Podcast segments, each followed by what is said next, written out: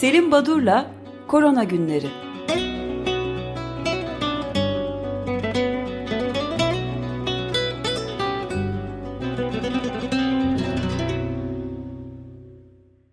Günaydın Selim Badur, merhabalar. Günaydın efendim, günaydın Özdeş. Günaydın. İyi haftalar, günaydın. Ee, şimdi bu sabah itibariyle 14 Mart, 14 Mart 2022 e, günü e, bugüne 457 milyon olgu, e, 6 milyondan fazla da yaşam yitiren kişi ile girdik. E, günde bir haftadan beri e, 1,5 milyondan fazla, 1 milyon 524 bin kadar olgu var. Ee, yine John Hopkins Üniversitesi'nin sitesine baktığımızda son bir aydan beri, son dört haftadır e, bildirilen olgulara göre bir sıralama yapılıyor. E, o sıralamada Türkiye 9. sırada ama ilk sıradaki Amerika Birleşik Devletleri yerini ilk kez e, Güney Kore'ye bıraktı. Yani Güney Kore ve listenin e, Türkiye önünde e, başka Asya ülkeleri de var. Vietnam, Japonya gibi. E, ilginç bir şekilde e, pandemi artışı e, artış trendi daha doğrusu Asya ülkelerine kaymış durumda. Buna birazdan değineceğiz. Aşılara baktığımız zaman da 10 e, milyardan fazla aşılama e, dünyada dünya nüfusunun yüzde 63,5'u tek doz almış vaziyette. Bu oran birkaç haftadır değişmiyor aslında. Gelişmekte olan ülkelerdeki aşılama oranı da yüzde 13,7 bu da fazla artmıyor aylardan beri neredeyse. E, Türkiye'deki aşılama oranları da çok fazla kımıldamadığını görüyoruz. E, yüzde 62'si e, Türkiye'de nüfusun yüzde 62'si tam aşılı ki iki doz aşılı. Tam aşılı demekten ne kastediliyor? E, bu da tabii tartışılmakta. Buna birazdan değineceğim. Yaklaşık 52.9 milyon insanımız tam doz aşılanmış. E, hani bu yeterli mi? Tabii tartışma konusu. E, siz, siz değindiniz bir tanesine ama e, bugün aslında dört tane e, kutlama ya da günden bahsedilebilir. E, birincisi e, tabii 11 Mart 2020 yılında dünyada e, Dünya Sağlık Örgütü'nün pandemi ilan ettiği gün. Aynı zamanda Türkiye'den ilk e, Covid-19 olgusunun bildirildiği gün. Yani bu pandemi ilanının yıl dönümü sayılabilir. Tabii 14 Mart e, Tıp Bayramı buna birazdan değineceğiz. E, Dünya Matematik Günü bugün. Bir de bizimle ilgili bu programla ilgili bir şey. Biz ilk programı 18 Mart'ta yapmışız. Yani bir hafta sonra pandemi ilanından bir hafta sonra başlamışız. Şu anda korona günlerinin 196. programını yapıyoruz biz de ikinci yıl e, program kutlamaları yapabiliriz. Yani Feryal'den evet. konuşacağım konu. Şimdi e, tıp bayramına bakınca e, s, grevlerle beraber gidiyor. E, siz değindiniz ayrıntılı olarak ama birkaç cümle etmeme lütfen izin verin. İşte. Sağlık çalışanları sağlıkta şiddete karşı gereken önlemlerin alınmaması ve özlük haklarını düzenleyen yasanın söz verildiği üzere e, meclise getirilmemesi nedeniyle 14 Mart Tıp Bayramı ile birlikte iki gün grev yapma kararı almışlar. Aldılar diyorsunuz bugüne itibaren. E, buna e, iki farklı ya yapmayın tırnak içinde söylüyorum tepkisi var. Bir tanesi Sağlık Bakanı. Sağlık Bakanı doğrudan bana yazmanızı gerektirebilecek durumlar için oluşturdum diyerek mail adresine postalamış hekimlere. Bu ilginç yapmayın diyor. Ama daha da e, ilginci bana kalırsa biraz da hani üzerinde düşünülmesi gereken bir nokta bazı hastanelerin başhekimleri. E, bu başhekimler e, yönettikleri kurumlarda görev yapan hekimlere yönetici olarak değil kişisel duygularla yazdıklarını ifade ettikleri mektuplar yolluyorlar. Mektubun ayrıntısına girmeyeceğim ama sağlık hizmeti vermeme şeklindeki eyleme şahsen bir hekim olarak karşıyım. Memur olarak bunun bir suç olduğunu düşünüyorum, kabul ediyorum. Yönetici olarak gereğini de yapmam gerektiğini biliyorum. Her türlü hak aramaya varım. Lakin hasta üzerinden ve sağlık hizmeti vermeme üzerinden yapılan hak aramaya ne vicdanım ne hekimlik andı ne de empati duygum kaldırmıyor. Yani iki e, e, çıkarım bana kalırsa var. Birincisi kraldan çok kralcı olmak. İkincisi de hani e, aba altından sopa göstermek gibi tanımlanabilir. Peki e, bu 14 Mart'ta e, hekimler için 10 acil talep adlı bir bildiri yayınlandı. Buna göre Türk Tabipler Birliği'nin önerdiği sağlıkta şiddet yasasının acilen yasallaştırılması, hani parlamentoya gelen bir e, yasa taslağının yasallaştırılması gibi çok meşru bir talepte bulunuyorlar.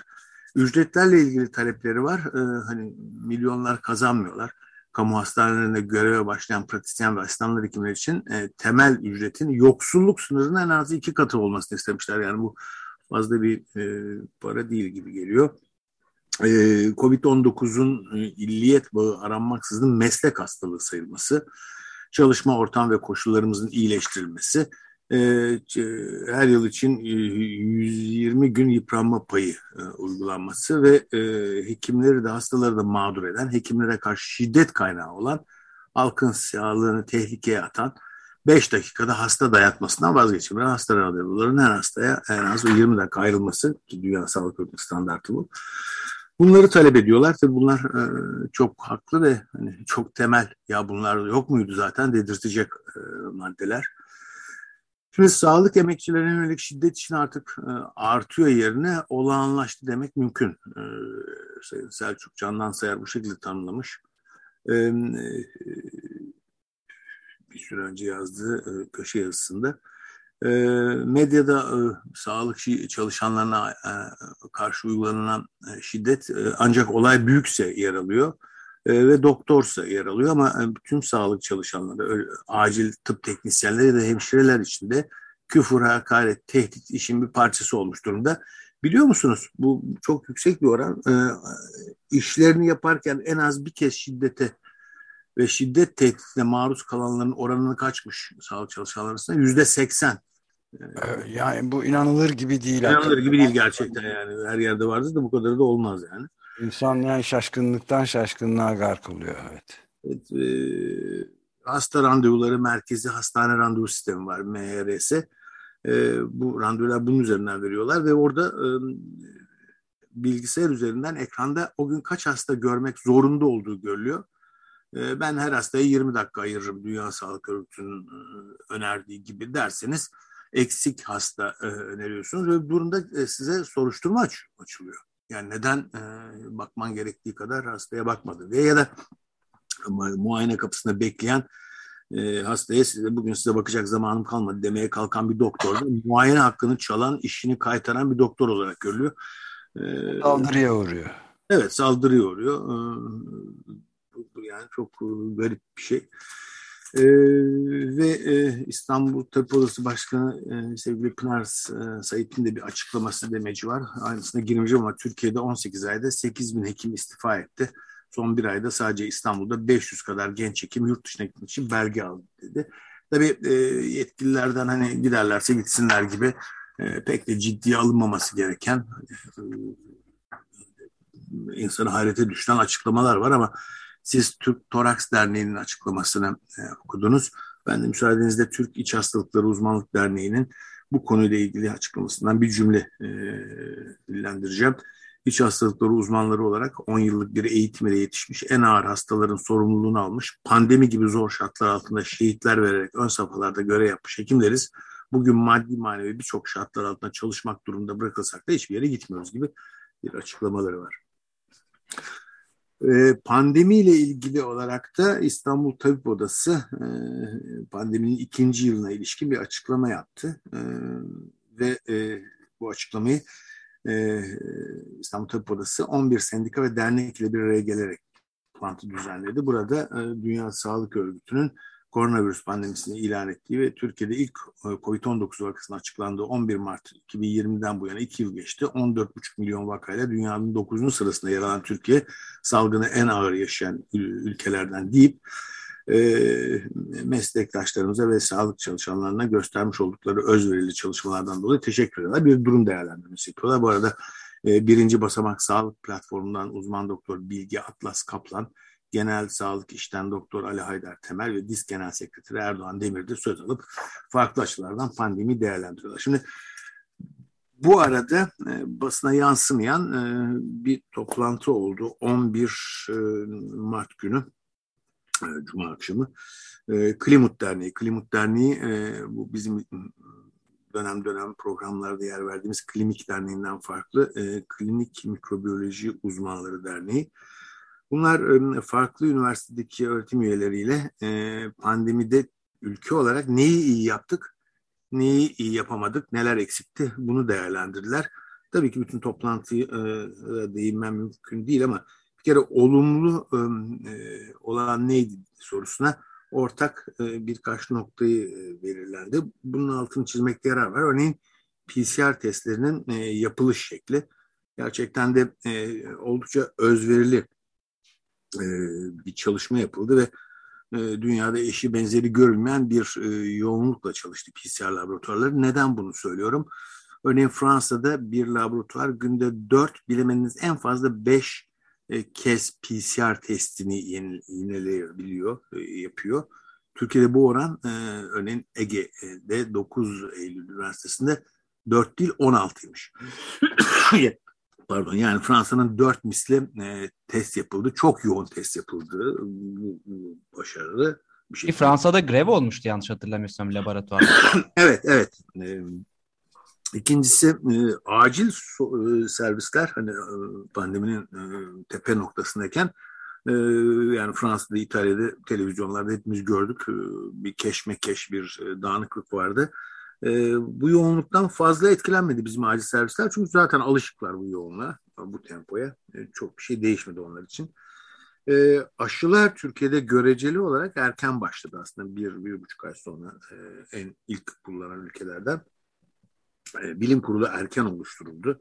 E, bunlar önemli, olumlu e, geliştirmeler, gelişmeler. Ama olumsuzlara geçince, hani bilim kurulundan bahsetmişken ben de bu toplantıyı dinlerken öğrendim. Örneğin Sağlık Bakanlığı uzun süre bilim kurulu üyelerinden bilim kurulu toplantılarında sayıları saklamış. Şimdi bu çok tuhaf bir şey. Yani biz bilim kuruluna çatıyorduk ya da anlamıyorduk niye böyle yapıyorlar, doğruyu söylemiyorlar ya da niye şurada uyarıda bulunmuyorlar diye. E kendilerine de bilgi verilmemiş ya da doğru veri akışı sağlanmamış. Bu en azından toplantıda altı çizilen bir noktaydı.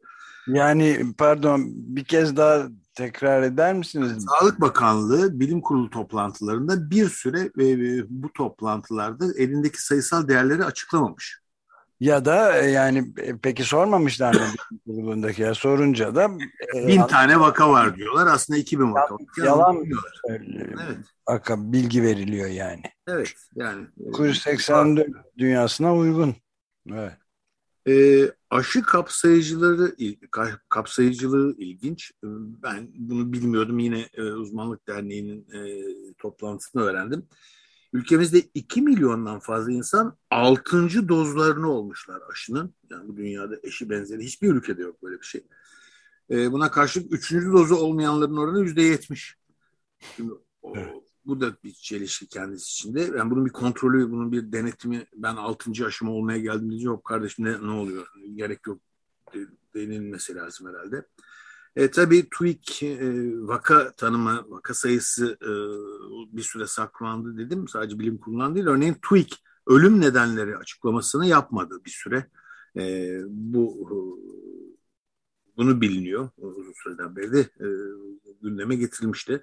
Bu mortalite oranlarına baktığımız zaman en yüksek Peru. E, binde altı kişi, e, bin hastada altısı e, yaşamını yitirmiş. Bizde binde 1.1 ki bu kabul edilebilir bir oran değil. Bunun yüksek olması gerekiyor diyorlar.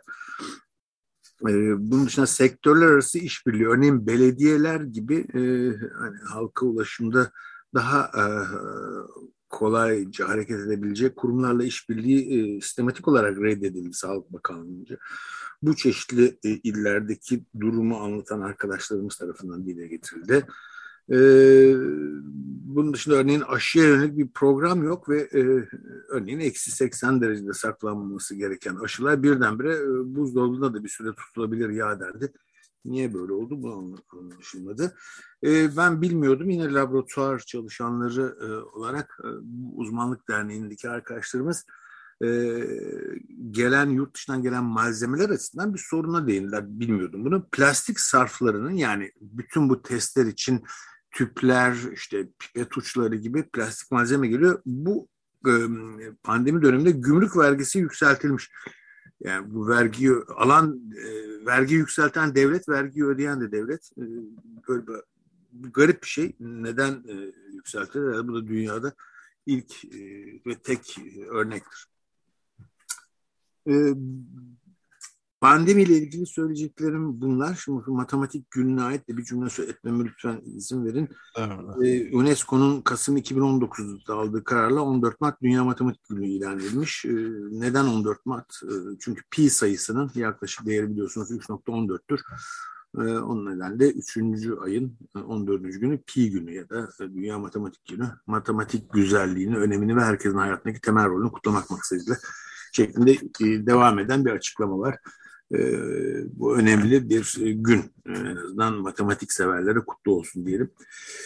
E, araya bir e, süratle geçmeye çalışıyorum. Ukrayna ile ilgili bir haber. Dünya Sağlık Örgütü önemli bir e, açıklama yaptı. Bu belki e, bu yoğun haber bombardımanı içinde gözden kaçtı. Şimdi tüm dünyada olduğu gibi Ukrayna'da belirli laboratuvarlar var. Bu laboratuvarlarda hani laboratuvar dışına e, sızması e, sorun yaratacak bir takım patojen mikroorganizmalar var. Salgına yol açabilecek ya da toksinler var. Ya bunları imha etmeyi unutmuyorsunuz değil mi? Şeklinde bir açıklaması var. Bu önemli bir nokta çünkü o laboratuvarların bombalanması, o binaların yıkılması e, sonucu kazayla e, laboratuvar dışına çıkması e, bir sorun yaratabilir. En azından düşük bir olasılıkta olsa bunun göz ardı edilmemesi lazım. E, Putin bunlar için hatta biyolojik silah iddiasında bulunuyordu zaten. E, evet ve bir de çocuk ve doğum hastanelerinin de bombalanması boştu nasıl olsa kimse yoktu Nazilerin elinde geçmişti filan gibi açıklamalar var ama pek inandırıcı olmadı yani. Ee, şimdi burada farklı ve kişisel bir düşüncemi söylemek istiyorum. Biz başından beri çeşitli platformlarda hem Türkiye'de hem de yurt dışında e, bu Covid pandemi e, sürecinin e, yönetiminde ülkeler arası kıyaslamalar yaptık. Bunu yaparken de işte daha demokrat olan, daha totaliter yönetimlerin yaklaşımlarındaki farklara değindik. E, bunun üzerine de bir takım e, tırnak içinde öyküler yazdık. Açıklamalarda bulunduk. Bolsonaro böyle işte e, Moody Hindistan'da şöyle yapıyor, Macaristan böyle falan gibi. Bir de çok demokrat ülkelerden bahsettik. Yani Yeni Zelanda falan gibi. Ama iş pek öyle olmadı gibi. Çünkü birdenbire iş tersine döndü. E, şu anda Asya ülkeleri. Güney Kore, işte e, Japonya, Yeni Zelanda e, aldı başını gidiyor. Başlangıçta hiç böyle değildi. E, yani bu belki de virüs yönetimin hani, eğilimini pek dikkate almıyor ya da onu atlayıp geçiyor. Elbette idare etme açısından bir takım farklılıklar vardır ama hani hastalığı tamamen engelledi çünkü çok demokrattı. İşte Yeni Zelanda yönetimine söyleniyordu. Pek öyle olmuyor gibi. Şimdi Çin biraz daha totaliter olduğu kabul edilen bir ülke e, aslında en başarılı ülkelerden birisiydi. Belki de en başarılı ülkeydi e, pandemiyi e, sürecini idare etme açısından. Neden böyle düşünüyordu? Çünkü çok büyük bir ülke, e, büyük bir nüfus ama olgu sayısı az. Tabii olgu sayılarını gerçeğe yansıtıyorlar ama artık onun pek saklanması mümkün değil. Hem oradaki Dünya Sağlık Örgütü hem bir sürü yabancı çalışıyor buralardan habersiz artık. Sonuç biz eğer verilerin resmi rakamların doğru olduğunu kabul edersek Çin neden e, düşük tutabildi? Bunun nedenleri vardı. Bir kere e, en ufak bir olgu e, artışında böyle ama onlu sayılarla artış gördükleri anda tam kapanma istiyorlardı. Yani iki, iki hafta mesela insanlar hiç sokağa çıkamıyor. Öyle eczaneye gideceğim. Yok acil ihtiyaçlarımı kart e, temel gıda hayır hiçbirisini değil. Telefon ediyorsunuz getiriyorlar size. Sizin sokağa çıkmanız yasak şeklinde bir ağır bir kapanma. Sınırları tam kapatmışlardı uzun süre ve e, yoğun test yapıyorlardı. Bunlarla idare ediyorlar ama yavaş yavaş hem e, bir yorgunluk tırnak içinde söylüyorum oluşmaya başladı Çin'de hem de e, onlar da hani batıdan geri kalmasınlar ama ekonomik e, ekonomiyi öncelemeye başladılar herhalde. Şimdi Çin'de e, çeşitli e, yerel yöneticilerin ve sağlıkla ilgili e, kuruluşların yetkililerinin istifaları haber, istifa haberleri gelmeye başladı. Çünkü e, Çin'de e, bir günde son bir hafta içinde ortalama 3400 olgu var ki bu pandeminin ilk gününden beri en fazla olgu bu ülke için. E, bu nedenle e, dikkat etmek lazım Çin'de olup bitenlere. E, örneğin e, Şangay e, tamamen e, kapatıldı, e, okullar kapatıldı. E, bir e, önemli e, e, bölge e, Şangsun bölgesi. E, orası tamamen kapatıldı. E, özellikle dini mekanlar ve dini törenler suçlanıyor. E, cami, tapınak ve kiliselerin e, kapanması Ocak sonu itibariyle kapandığı biliniyor. Şimdi e, Çin'de 3400 olgu ama hemen e, yanı başında Hong Kong'da günde 25 bin olgu geçti. Güney Kore'de artış bir hafta bir hafta öncesine göre yüzde 214 bir artış var Güney Kore'de. Buna karşın Batı ülkelerine baktığımız zaman açılmalar, bu kısıtlamaların kaldırılması yoğun bir şekilde sürüyor. İşte Los Angeles'ta Amerika Birleşik Devletleri'nde kapalı alanlarda maske zorunlu kapalı alanlarda bile kaldırıldı. Farklı ülkeler Polonya, İzlanda, İtalya gibi e, Mart ayının farklı e, tarihlerinde işte biri bazıları 14 Mart bazıları 31 Mart'ta tüm önlemleri kaldırıyorlar. E, bu arada Fransa ben ilginç bir açıklama var. Cuma günden beri Fransa hani 14 Mart yani bugün itibariyle önlemleri kaldırıyor Fransa.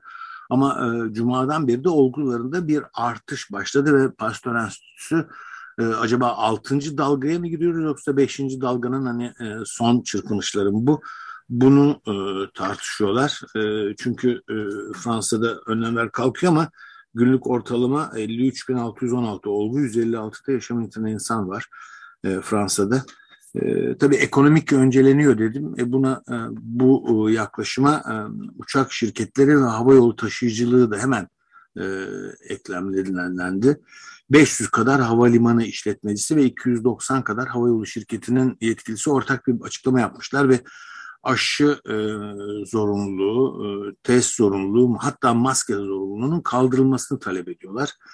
E, yani bu e, saatte e, altı buçuk yedi kişi ölürken yapılıyor. Akıl alır gibi değil bence. Yani. yani IATA, Uluslararası Hava Yolları Taşımacılığı Birliği diye çevrilebilir herhalde. Onun başkanı Rafael Schwartzman sınırların kapatılmasının etkili olmadığı anlaşıldı. Ee, yüz binlerce insan işini kaybetti. Ee, bırakın bu e, önlemleri artık e, şeklinde bir açıklama yapıyor.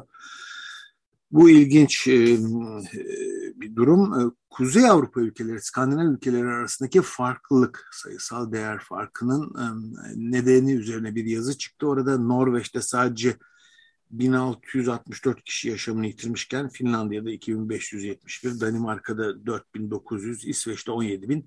Neden bir fark var? İşte 100 bindeki oranları farklı. Ee, İsveç'te 100 binde 171 kişi yaşamını e, Norveç'te niye 100 binde 30 kişi? Bunun da nedeni e, Finlandiya ve Norveç iyi durumda olan bu iki ülkenin e, önlemleri çok erken başlamaları şeklinde açıklanıyor.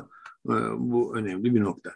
Şimdi e, sürem dolmak üzere onun için e, üç çalışmaya değinip e, ayrılayım ben. E, birincisi NIH'ten bir e, National Health'tan Amerika'dan bir büyük kapsamlı bir rapor. 1.1 milyon öğrenciyle çalışılmış ve okullarda maske kullanımının ilginç bir e, ve çok sağlam bir veri.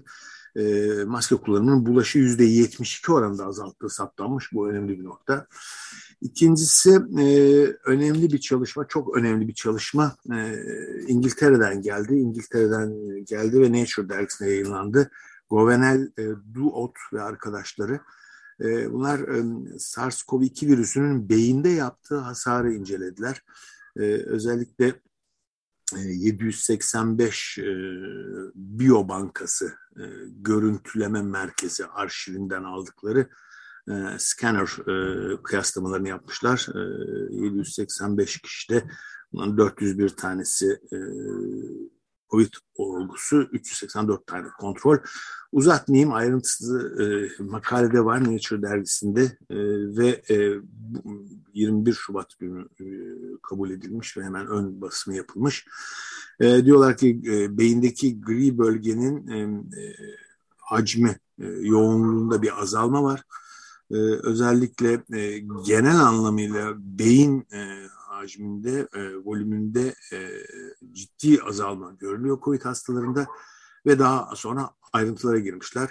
E, örneğin e, orbitofrontal dedikleri göz çukuru alın bölgesinde e, ve para e, hipokampüs bölgelerinde e, değişiklikler var. Yani kokuyla ilgili ve diğer e, duyularımızı idare edilen beyin bölgelerinde bir azalma, bir küçülme, bir zayıflama olduğunu gösteren önemli bir çalışma.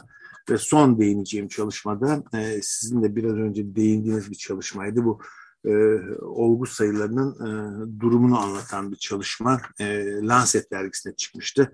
Lancet dergisindeki bu makalede e, özellikle e, kim olduğunu söyleyeyim yazarı COVID-19 Excess Mortality Collaborators diye e, e, COVID-19'dan fazla ölüm e, grubu çalışanları bunu hesaplayanlar küresel boyutta 18.2 milyon kişi e, e, ölen bu kadar yüksek sayıda olguyu inceliyorlar e, ve e, e, 74 ülkede yapılan bu çalışmada küresel boyutta 18 e, pardon 18.2 milyon kişinin öldüğünü aslında söylenen sayısal değeri e, program başında belirtmiştim.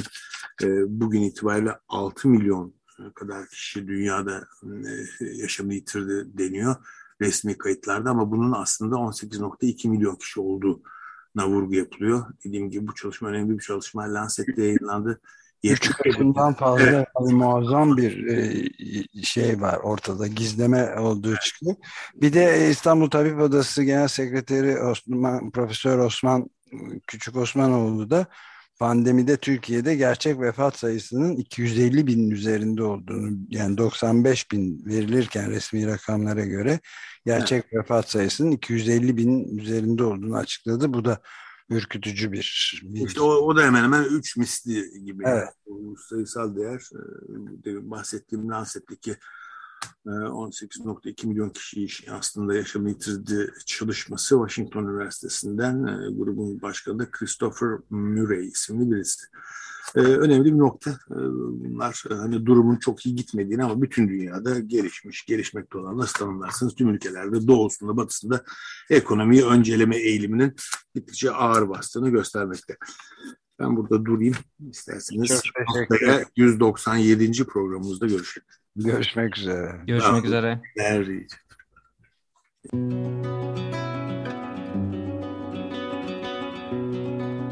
Selim Badur'la Korona Günleri